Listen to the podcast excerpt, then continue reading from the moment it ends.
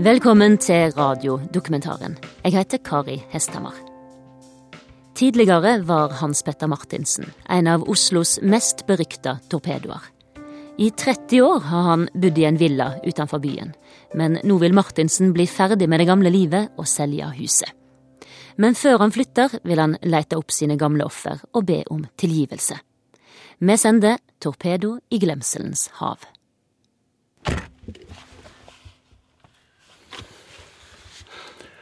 Ja, himmelske Far, jeg takker og priser deg for vi kan komme og legge alt framfor deg. Du som er skaper av himmel og jord. Du ser, far, du som har forsona oss på korset nå, Jesus. Nå skal jeg til Trond. Gå i forveien og forberede ham på at det kan bli forsoning med, med tilgivelse, og at vi kan gjøre opp med hverandre. I Jesu navn legger jeg denne møtet i dine hender. Amen. Mm.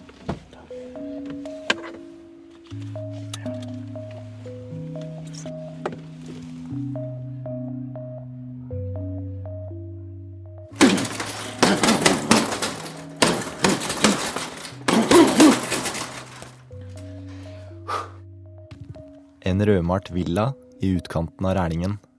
Du kan først se det på den boden her. På husveggen utafor henger en til salgsplakat. Det, det er sånn den er. En bod er en bod. Ja. Ja, Greit å ha litt lagringsplass. ja. Hans Petter Martinsen viser fram kjelleren sin til en megler. En utstoppa falk, et breddfullt pokalskap. Det er jo stort hus, det er mye muligheter. Han er tidligere bokser.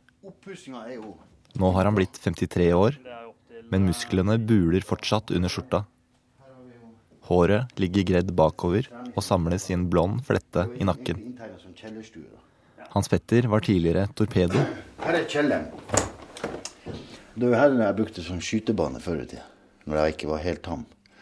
Da sto vi her inne og skøyt, imot fjellet der. Ja. Her hengte vi opp sånne skyteskiver der. og Så sto vi her borte og skøyt rett gjennom døra inn her. Så det var det. Men det behøver ikke eiendomsmegleren å skrive i, eh, i selskapet. Nei, for det handler jo bare om kjøp og salg av huset. Nå gjør jeg jo opp alt her og prøver å har jo starta på nytt, da. Nå er det på tide å dra herfra, så nå selger jeg jo huset, da. Jeg har bodd 32 år av mitt liv. Og det har jo skjedd mye her. Det har vært som et fort, på en måte. Men så er det både på godt og vondt, Mm.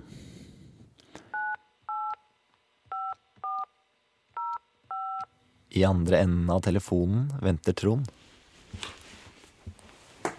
De møttes en gang for 20 år siden. Trond endte opp bevisstløs og blodig. Siden har de ikke sett hverandre. Ja, hallo du. Mitt navn er Hans Petter Martinsen. Jeg, jeg ble også kalt HP en gang i tida. Ja, og nå ringer jeg deg, for jeg har begynt et nytt liv der jeg går rundt og ordner opp og ønsker forsoning med mennesker som jeg har eventuelt gjort noe mot. Ja, og det er derfor jeg ringer deg, da, for jeg lurer bare på hva Ja.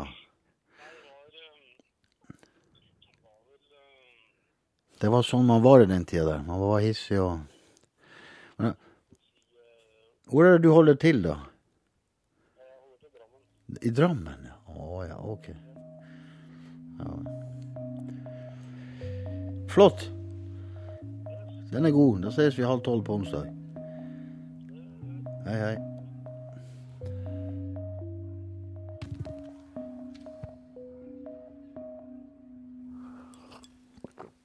Jeg kommer fra Nord-Norge. Hammerfest. Verdens nordligste by. Visste du det? Gjorde du ikke det? Hm. Så der kommer jeg fra. Jeg begynte å bokse der oppe, men jeg vokste jo opp under ganske trange kår da, på 60-tallet. På ikke den tida, far min hadde jo den lasten at han var alkoholiker, sant.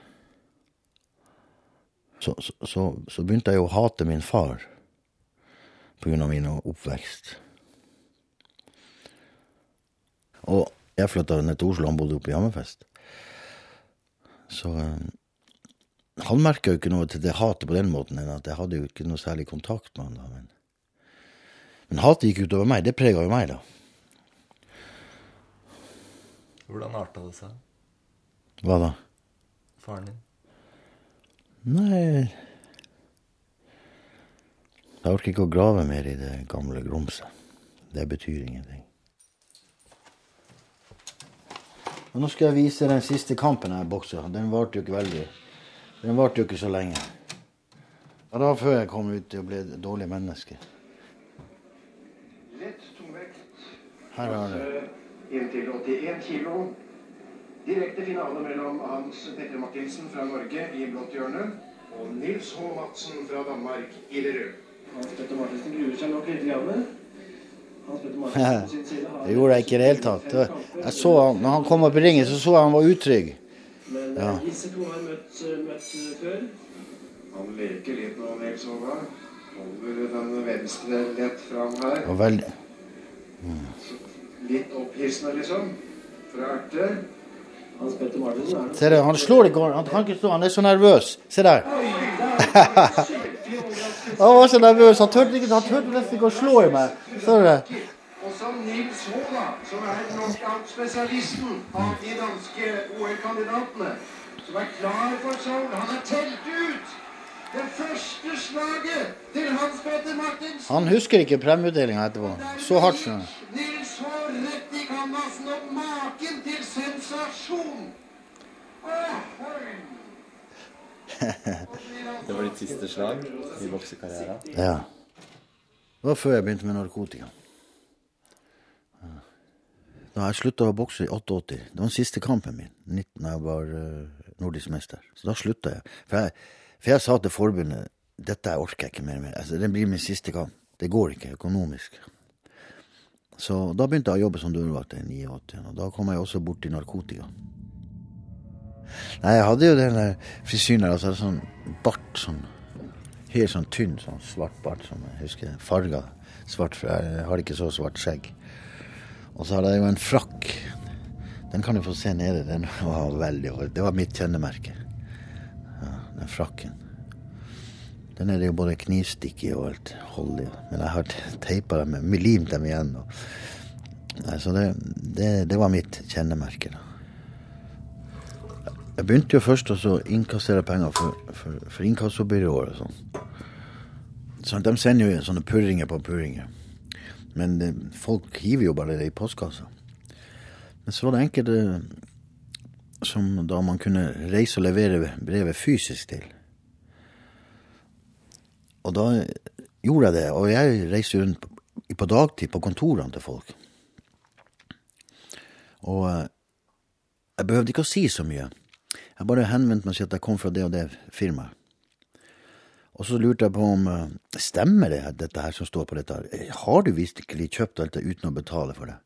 Og hvis du da setter tankegangen i gang på han, hva kunne jeg gjøre? Hvis det ligger og gnager på han natt etter natt, når kommer det igjen? Hva skjer? Det er det som får folk til å betale, ikke at du skader dem. Så det, så det var jeg veldig flink til. For jeg så jo ikke god ut.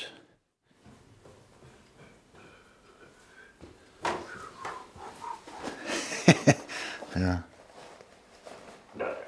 Den har vondt i tommelen.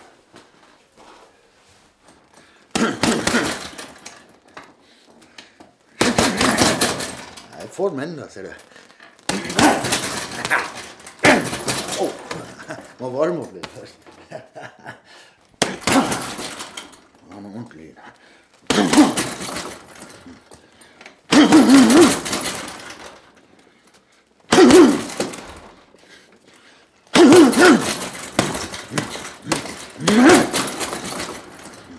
Siden han ble kristen i 2001, har Hans Petter oppsøkt åtte tidligere ofre og bedt om unnskyldning.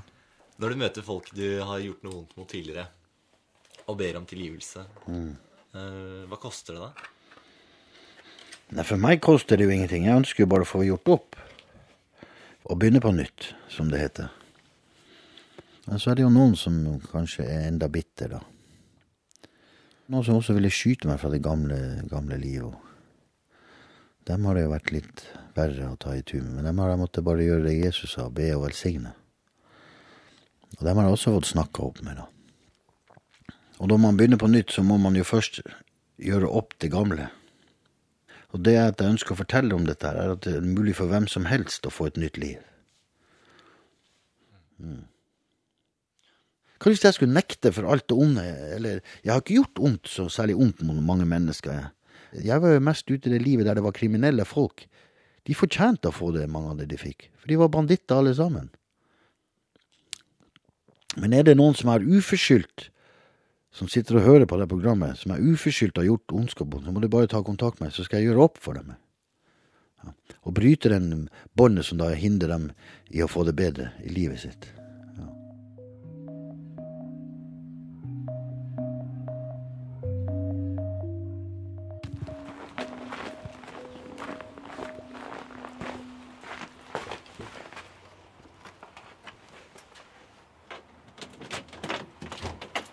Hei. Sindre. Hei, Trond. Hyggelig. Trond, 42 år gammel. Fra stuevindu har vi utsikt til den islagte Drammensfjorden. Ja, så han vil liksom gjøre opp, han der HP. Ja. All gammel eh, business eh, gjøre seg ferdig med, liksom. Ja, ja, ja. Hele det gamle livet. På nesetippen til Trond skimtes en svak strek. Da syns jeg det var sånn. Et synlig minne fra den gangen han møtte Hans Petter. Hvis jeg dytter litt på nesa, så det er sånn bruskskade der, sånn. Men eh, det er den der som måtte sies, da. Men han syns, han syns ikke det godt lenger. Det er, eh, det er holdt på å si par og tjue år siden. Så borte blir det. Jeg var vel så uheldig å møte han i hans verste periode på et utested i Oslo. Jeg tror jeg var rundt mellom 20 og 22, hvis det var i 92. Jeg, jeg tror det kan stemme i 92. Altså, det, det var et utested som heter Tiffany. Ja, typisk stort, åpent diskotek. Holdt på sitteplasser rundt. Eh, baren bak der var Jeg husker spesielt at det var store kandelaber med levende lys på. Eh, så var det denne kvelden da, hvor jeg var litt i farta og hadde det moro. Og så var det en, en kar, da, sånn kroppsbyggertype som eh, ikke klarte å dy seg, men måtte slenge litt med leppa, da. Og Vanligvis bryr jeg meg ikke om sånt i det hele tatt, eh, men eh, nå hadde jeg fått litt nok av den. Hadde vært litt sånn kranglete lengre tid, så jeg gikk bort til den og så sa jeg hva jeg mente om sånne folk som driver med steroider og sånn. da, fra Ganske stor og oppblåst type. Så jeg sa rett ut hva jeg mente til den, og sa at det er det verste jeg veit om. Bolere. Bare tullinger. Og så står jeg der sånn, og så ut av mørket bak henne så kommer en stor person liksom og brøyter seg fram. Jeg så henne ikke i det hele tatt. Det, det var liksom, Han sto i et mørkt hjørne ut, utenfor lyset, så bare kom han ut. Det sto egentlig bare ansiktet på han fordi han hadde mørke klær. Typisk oppblåst, rødsprengt i ansiktet. Sånn ordentlig stinn av bol og hva det måtte være, liksom. Og knurrer liksom. Hva var det du sa om folk? som boler. Så sier jeg snakket, snakket ikke til deg, sier jeg dette, dette, har ikke du noe med. Og da, da svarer han bare med å gi meg en, eh, en lusing, som jeg, som jeg, da dukker unna. Eh, og så kommer det en smell som gjør at jeg raser bortover eh, gjennom rommet. Prøver å støtte meg med en arm på, på bardisken mens jeg raser bakover. Og han kom etter, og han hadde jo ringer på hendene, husker jeg. Litt sånn jålete eh, fyr. Så, så, jeg fikk jo et par ordentlige kutt i ansiktet. Og eh, du veit at noen slår deg såpass hardt som dette han her fyren her gjør. Og skjønner at dette er en kar som kan boksing. Og da, da, kjenner du angsten kommer. For det at dette er, nå snakker jeg ikke bare om å få blåveis, jeg snakker om skade, liksom. Eh, så litt sånn i desperasjon så greip jeg et, et eller annet og fikk, tror jeg fikk tak i en svær lysestake på eh, bardisken. Og prøvde å plante det midt i ansiktet på han. Eh, men jeg veit ikke om jeg klarte det, for da bare gikk det svart. Da ble jeg knocka rett ut, og våkna ikke før, holdt på å si, eh, på bakrommet. Eh, hengende med huet over en vask, en dørvakt som holdt meg over vasken fordi jeg blødde, blødde så stygt fra ansiktet. Det gikk mange, mange år, holdt på å si det var jo først etter han møtte lyset, på en måte, og det kom en eller annen artikkel i en eller annen avis eller sånn, at jeg så han. Eh, og da husker jeg det at ah, han Han, han er eh, ja, veldig lett gjenkjennelig, for å si det sånn. Hva, hva tenkte du da du så han hadde sett lyset? Nei, altså det er jo eh, Hva skal du si, da? Eh, det er vel kanskje ofte altså Når man kommer opp et hjørne i livet, da, eh, så, så, så, er det vel kanskje ikke så veldig mange veier du kan ta, eh, rett og slett. Eh, en ting man har gjort, blir jo ikke ugjort bare fordi man angrer. Så det, nå er jo han en troende, da, så da er det jo bare én ting, ting, å gjøre, og det er jo det at man må gjøre resten av livet bedre, liksom. Det, det, er vel det eneste man, eh, man, kan gjøre for å få plusspoeng i boka. så, så, det. Det får være mellom han og skaperen.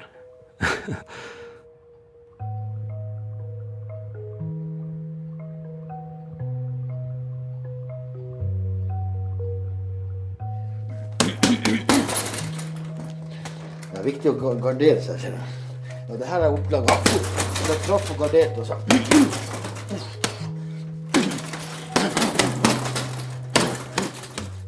Et tjukt lag av grå teip er det eneste som holder boksesekken sammen. Og vektene på gulvet er gamle og rustne. På veggene henger avisutklipp fra idrettskarriera. Hans Petter trener fortsatt flere ganger i uka. I 20-åra jobba han som blikkenslager på dagen og dørvakt om kveldene. Etter å ha fått prøve seg som pengeinnkrever, ble han raskt tatt opp i miljøet rundt Tveita-gjengen. I dag jobber han som foredragsholder og forfatter av bøker og hefter med kristelig innhold. To fengselsdommer, en av dem for vold og grove trusler.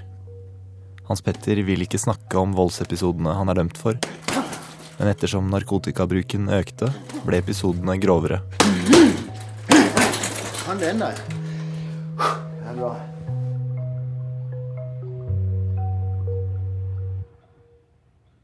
Sånn var det jo med anabole steroider. Så jeg ble jo større og større. Du blir veldig selvsentrert og hissig. Ja.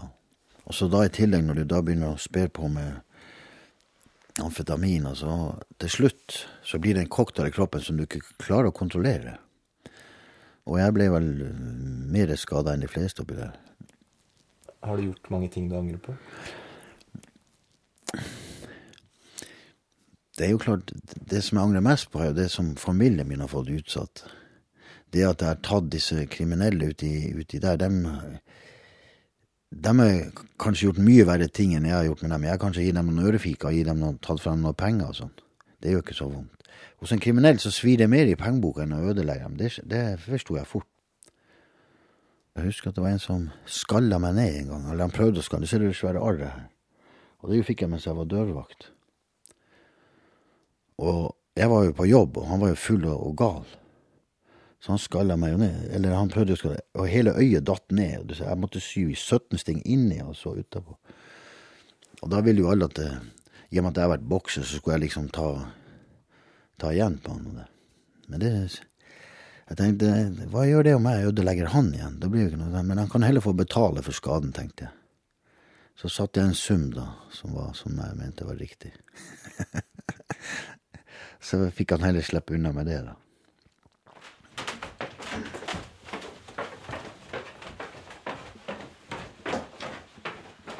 Flyttelass. Etter å ha bodd her i 32 år skal Hans Petter pakke og dra. Der ligger noen kassetter. På sitt verste terroriserte han hele gata. Biler fikk ikke lov til å stå på tomgang. Gutter på moped måtte trille sykkelen forbi huset. Har du ikke lært oppdragelse? Så tok jeg slegga og så sa jeg, jeg knuser mopeden din hvis du kjører en gang til. Og så hadde jeg også noen regler. Hvis det kom noen hjem på døra her, så ville de aldri kommet herfra i det kriminelle miljøet. Da måtte jeg statuere seg et eksempel. Hjemmet skulle være hellig.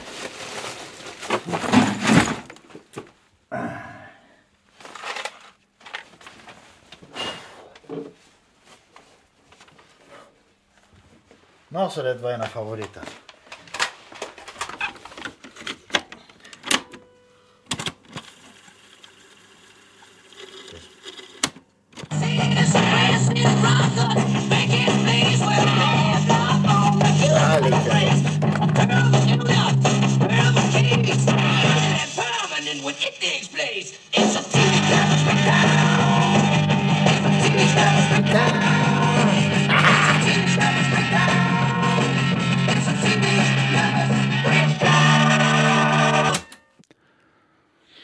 Av hvert fikk Hans Petter torpedooppdrag for utenlandsk mafia.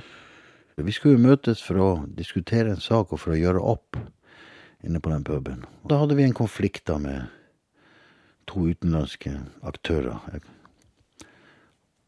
Og vi trodde jo at de skulle møtes i et forsoningsmøte og snakke, men da hadde de planer om, om, om, om å ta livet av meg.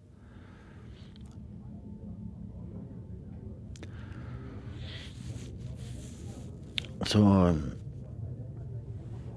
Så da satte vi oss ned ved bordet, og under bordet så var det en som hadde lirka fram en tapetkniv. Og Den er enklest å skjære over hovedpulsåra med i lysken. Og da satt vi og diskuterte, det blir høyere og høyere gemytt. Og det er midt, midt inne på sentrum, inne i en kafé. da. Og da er det det som skjer. Bordet velter, og da hadde han allerede hogd kniven inni meg. For da hadde han planlagt i lang tid. Ja. Og da spruta det jo blod overalt. Og jeg gikk jo til angrep. Jeg tror jeg slo, slo ned de to som, som, da prøvde å ta livet av meg. Men på lakunlas måte så, så, så, ble jeg ikke tom for blod, men det var enormt mye blodtap. For at du tømmes på et minutt, for den er så stor, den blodåra. Og du kan ikke stoppe den med noe toniken og sånne ting, for den går bare. Og gikk jeg ut på Palais, ute i gata der, ute i Oslo. Da spruta jo blodet overalt. Til slutt så kom det noen sivilpoliti som jeg kjente, da, som, lot, som jeg lot meg kjøre inn til legevakta. Så jeg fikk sydd igjen dette. Og legen sa det her er jo merkelig, sånn. Her skulle det ikke være mulig å overleve. Du må ha hatt englevakt, sa han. Så det var det første miraklet Gud bevarte meg fra.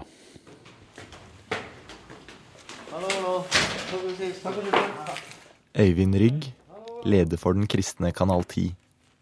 Han tar imot Hans Petter i et TV-studio på Bjerke travbane i Oslo. Ja, I dag så skal vi spille inn tre halvtimer med hoppet. Tre halvtimer med undervisning, og vi ønsker å ha publikum til stede. Slik at når han underviser, så henvender han seg til enkeltmennesker, ikke til en glasslinse. Under armen har Hans Petter en slitt gammel bibel og en bunke løse ark. Etter at han gikk på bibelskole, har han spilt inn forkynnende programmer for kristne kanaler. Men i dag har han fått et problem. Notatene til to forskjellige foredrag har rota seg inn i hverandre. Nå spørs det om jeg får det til å fungere. Hans Petter må leite seg fram på direkten. Panna hans glinser svett under de sterke studiolampene. Jeg har et sånn skikkelig system med arkflytting fram og tilbake. Jeg har filtrert dem to kompendier inni hverandre. Så jeg har... Du har ikke tenkt å reinskrive det, eller få alt liksom sånn? Jeg hadde ikke sjans, for de to tingene her hadde jeg skrevet ferdig. Så klippe og lime, vet du. Ja, det, men jeg hadde ikke den maskinen der hjemme. Men måtte Gud være med meg, så jeg får dette her til. Mens kameraene stilles inn, setter TV-pastor Knut Tømmebakk seg ned med Hans Petter. De lukker øynene og folder hendene. Takker deg, far, for dette programmet her sånn. Jeg ber om at det skal være en åpenbaringssalvelse over det. Så bare ber jeg, far, om at det skal være lett å finne fram i notatene. Halleluja. Jeg takker deg for at din fred skal være over det. Din kjærlighet skal bare smelte det inn i menneskers hjerte, så de skal forstå at Gud han er en virkelig og en ekte Gud. En Gud som kan forvandle mennesker i denne tid. Halleluja. Mm. Da blir det slik. Det gjør det. Ja. Ja, men bra. Før du starte? Fem, fire, tre, to, én. Velkommen til disse programmene som vi kaller for en disippels oppgave i Norge. Det kommer av fire sen. Når du får møte den levende Jesus som forvandler deg, slik, slik, som jeg sjøl er blitt forvandla Jeg vet jo, jeg blir et nytt menneske. Det gamle, forpesta og dårlige mennesket, det fins ikke lenger. For Jesus sier den som er i Kristus, er en ny skapning, så alt skal bli nytt. Det Gud ønsker å gjøre, er å skape nye mennesker. Så gir Gud deg en restart. Frelse betyr å få en ny start på livet ditt. Hvor mange ganger ønsker man ikke at jeg skulle ønske at jeg kunne få bli født på ny eller få begynt en ny start? Det er det Jesus gjør for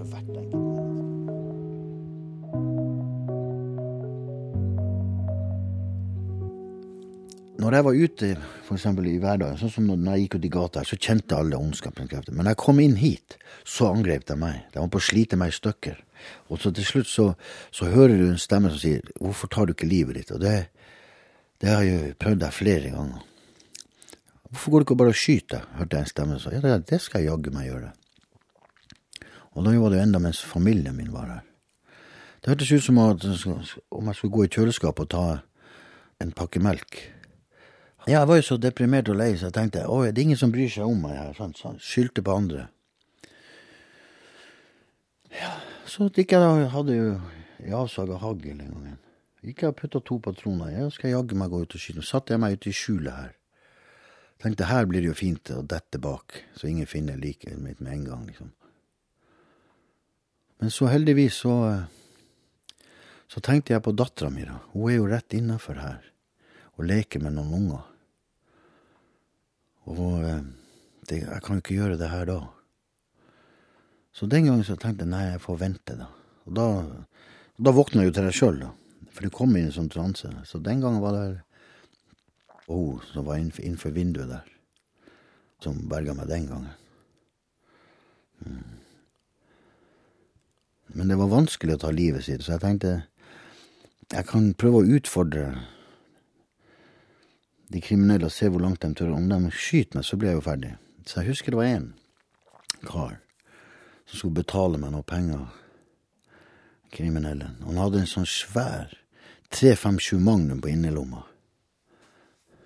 Og du vet at det er det kraftigste håndvåpenet som finnes. Du, du skyter du i blokka på en bil, så stopper du bilen med den.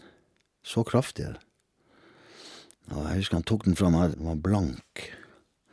Ja, ja. Du får trykka hvis du tør, da, jeg han. Og han skeit jo i buksa der. Han hadde bare en for å skremme meg. Sånn, når du har døden i øynene, så, så Så tror jeg folk blir ganske redd når du ikke er redd for å dø. Så han trykte i gass, jeg bare røska han fra han og ga han en ørefike. Så tok jeg både den og pengene fra han. Jeg husker.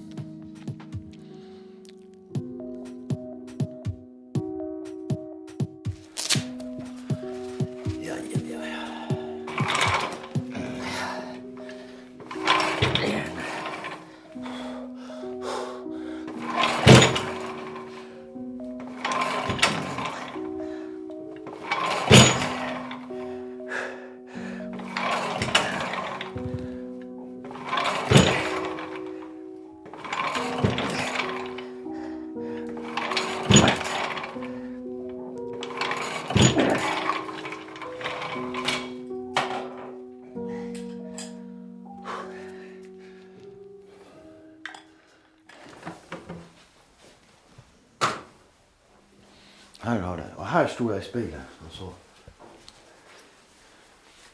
Der står jeg her og trener, og så løfter jeg opp vekten, og så, så skjer det noe. Så ser jeg Jesus Ut, Langt hår og greier. Fin, men, men, men ikke helt klart. Og så kjenner jeg sånn kraft. Wow! Og så ble det borte. Så tenkte jeg wow, hvorfor i alle dager visste du det for meg, Jesus? Jeg trodde at Jesus bare brydde seg om de snille, ikke syndere. Og jeg visste at jeg hadde synda så mye at det der forsto jeg ikke noe, at han ville Så jeg tenkte vel, eller jeg husker jeg sa, hvorfor viser du det for meg? Men ble, han ble bare borte. Og så tenkte jeg ikke noe mer over det, for da forsvant jo alt den godheten, og det bare ble helt stille. Men dagen etterpå så skjønte jeg at jeg, det har skjedd noe med meg. Jeg må jo innrømme at jeg har jo stjålet seg fra jeg var bitte liten. Vi var, ja, vi var, var jo ganske fattige, sant. Og i og med at faren min var alkoholiker, så gikk de meste pengene han fikk tak til, til det, stakkars. Så, så husker jeg at jeg gikk jeg inn på en butikk, så hadde jeg den frakken og ekstra svære lommen i den. Og jeg husker dagen etter at Jesus var her, så gikk jeg inn på butikken igjen. Og jeg pleide, også, jeg pleide å stjele pålegg og dyre ting og putte brød og melk. Jeg gjorde faktisk det.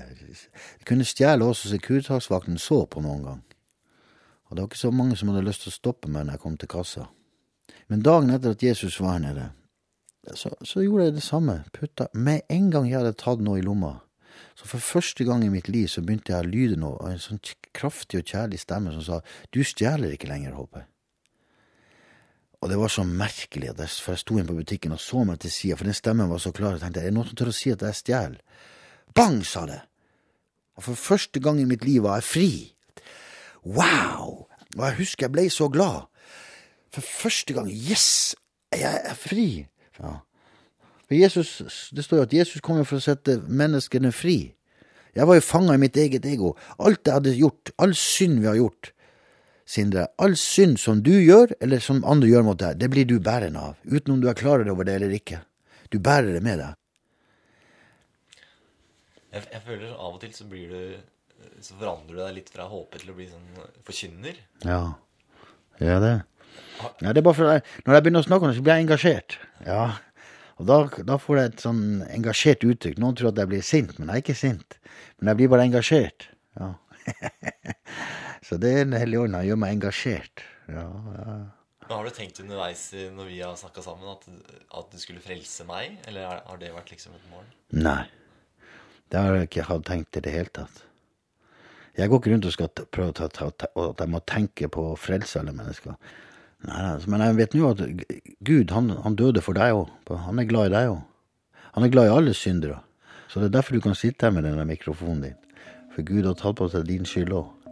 Ja.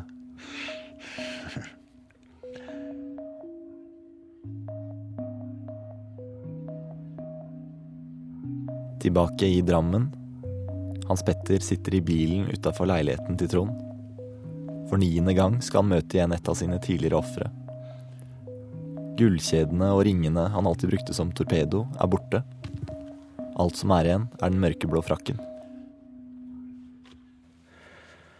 Du ser, far, du som har forsona oss på korset nå, Jesus. Nå skal jeg til Trond. Gå i forveien og forberede ham på at det kan bli forsoning med, med tilgivelse, og at vi kan gjøre opp med hverandre.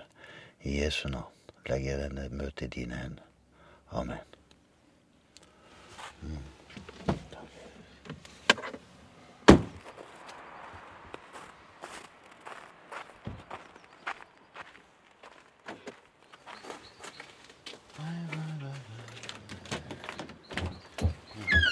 Hallo. Hallo. Hei sann, hei sann. Hyggelig. Ja. Stig på, stig Sånn, på. det. Jaha. Det er litt trakt her. Ja, men det er jo Bor du alene? Ja da. Ungkar.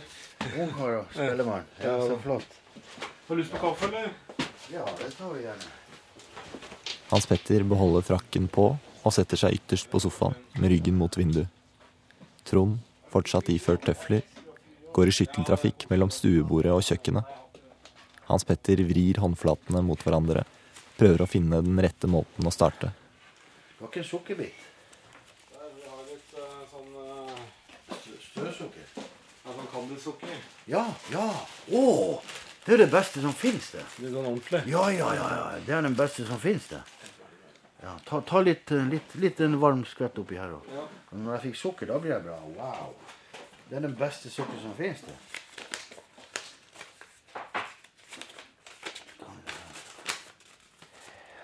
I den tida sant, når man bruker steroider og narkotika, så vet man ikke helt hva man gjør. Og eh, det er jo grunnen til at eh, det skjer ting. Og spesielt når man er påvirka. Så det her var, her var en ganske grei episode. Det ble heldigvis ikke noe var, Det, det ble litt blod. Det gjorde det. Ja, det gjorde det. Ja da. ja. Så, men eh, jeg, Og jeg husker ikke episoden heller. Nei. Nei da, men uh, jeg, jeg forstår det fordi at jeg, Det er ikke noe lurt å fiske i glemselens hav, som vi sier. Nei. For det eneste som skjer, er at du drar fram de gamle problemene og bekymringene. Så det at uh, Bibelen sier at uh, vi glemmer det som er bak, og tilgir og snur det andre kinnet til, det har jeg klart.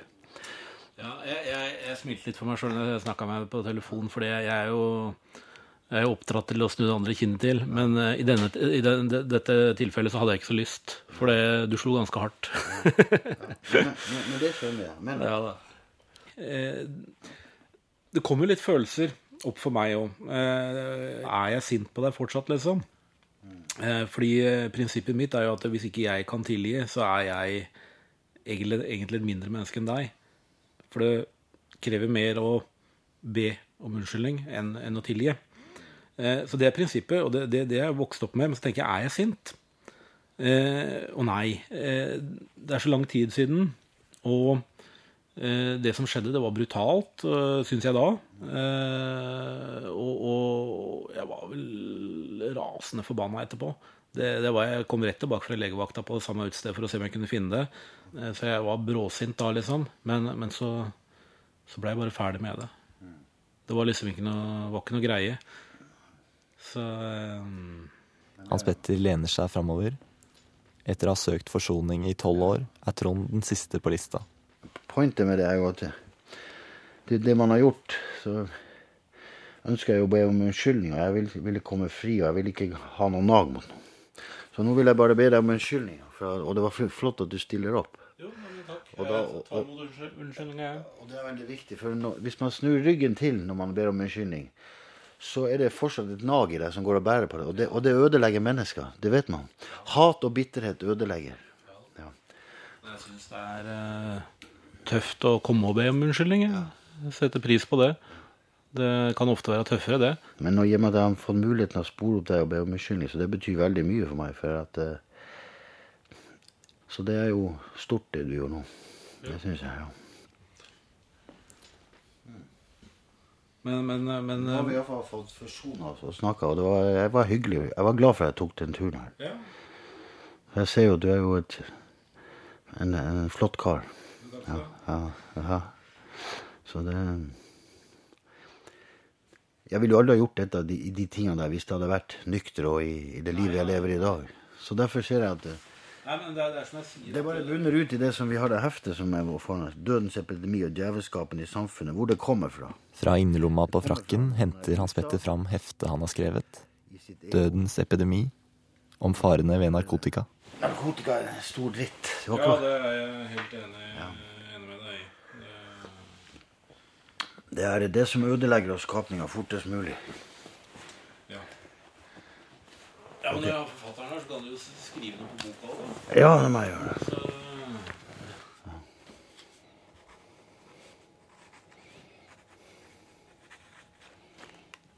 Jo, takk skal du ha. Vær så god. Lås opp der, for jeg... Ja, sånn. OK, Trond. Ha det godt. Ha det godt.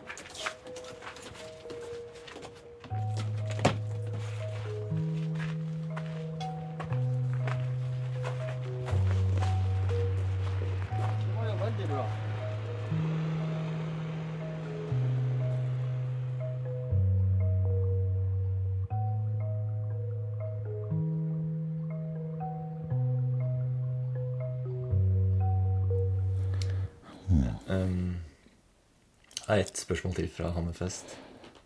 Det, det hatet til faren din, hvor, hvor kom det fra? Nei, men nå ser du, nå fisker du i glemselenes hav, som jeg sier, og der skal vi ikke. Nei. Nei. Så du eh, Dere reportere er utrolig slu. Skulle ønske jeg ikke var frelst, for da hadde jeg klappa til det. For, for at du gikk over en strek nå, for du, jeg sa jeg vil ikke snakke om det gamle livet. Og så har du vridd spørsmålene dine hele tiden inn mot det, og det er dere ikke flink til. Ja. Og sånt kunne jeg bli veldig, veldig sint på før i tida. Ja, altså, Ja, riktig. Ja, nei, nei, nei, tis, nå skal ikke du snu. Nå er det jeg som snakker. For du spurte om jeg ville snakke om barndommen min, og det sa jeg det vil jeg jo ikke. Men for det er glemt, og jeg vil eh, Jeg er ferdig å snakke om det. Og så må jeg jo også legge det bak meg, sant? en gang, for jeg får ikke gjort noe med det.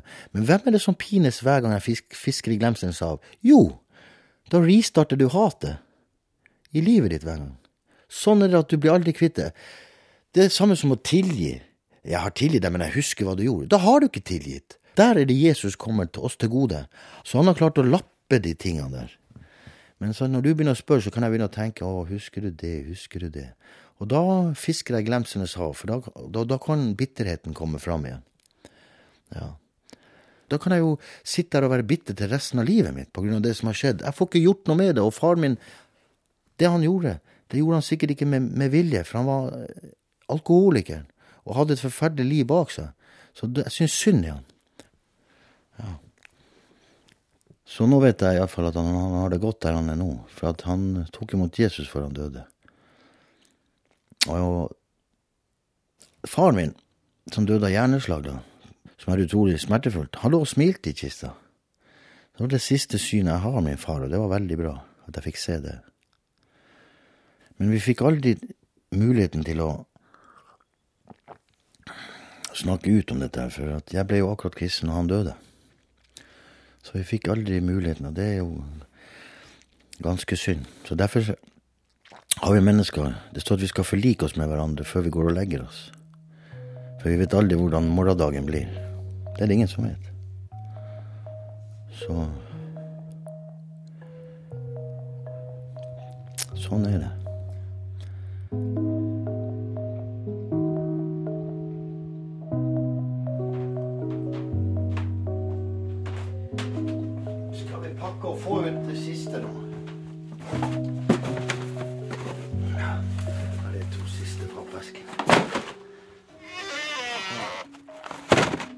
Utgangsdøra lokkes for siste gang. Hans Petter skal videre til et nytt liv i Egersund. Yes. Blir det rart, eller? Ja, det blir jo det. Merkelig. Du vet, dette huset har jo fått det sjel. Jeg har bygd opp dette her. Og... Mm. Så nå blir det noe nytt. Og det får vi se hva det bringer. Men det skal det, det skal gå på det samme om å hjelpe andre ut av narkohelvete og fortelle om, om Jesus hva han kan gjøre. For han er, han er en som kan hjelpe oss der, der vi, der vi sjøl syns det er veldig mørkt.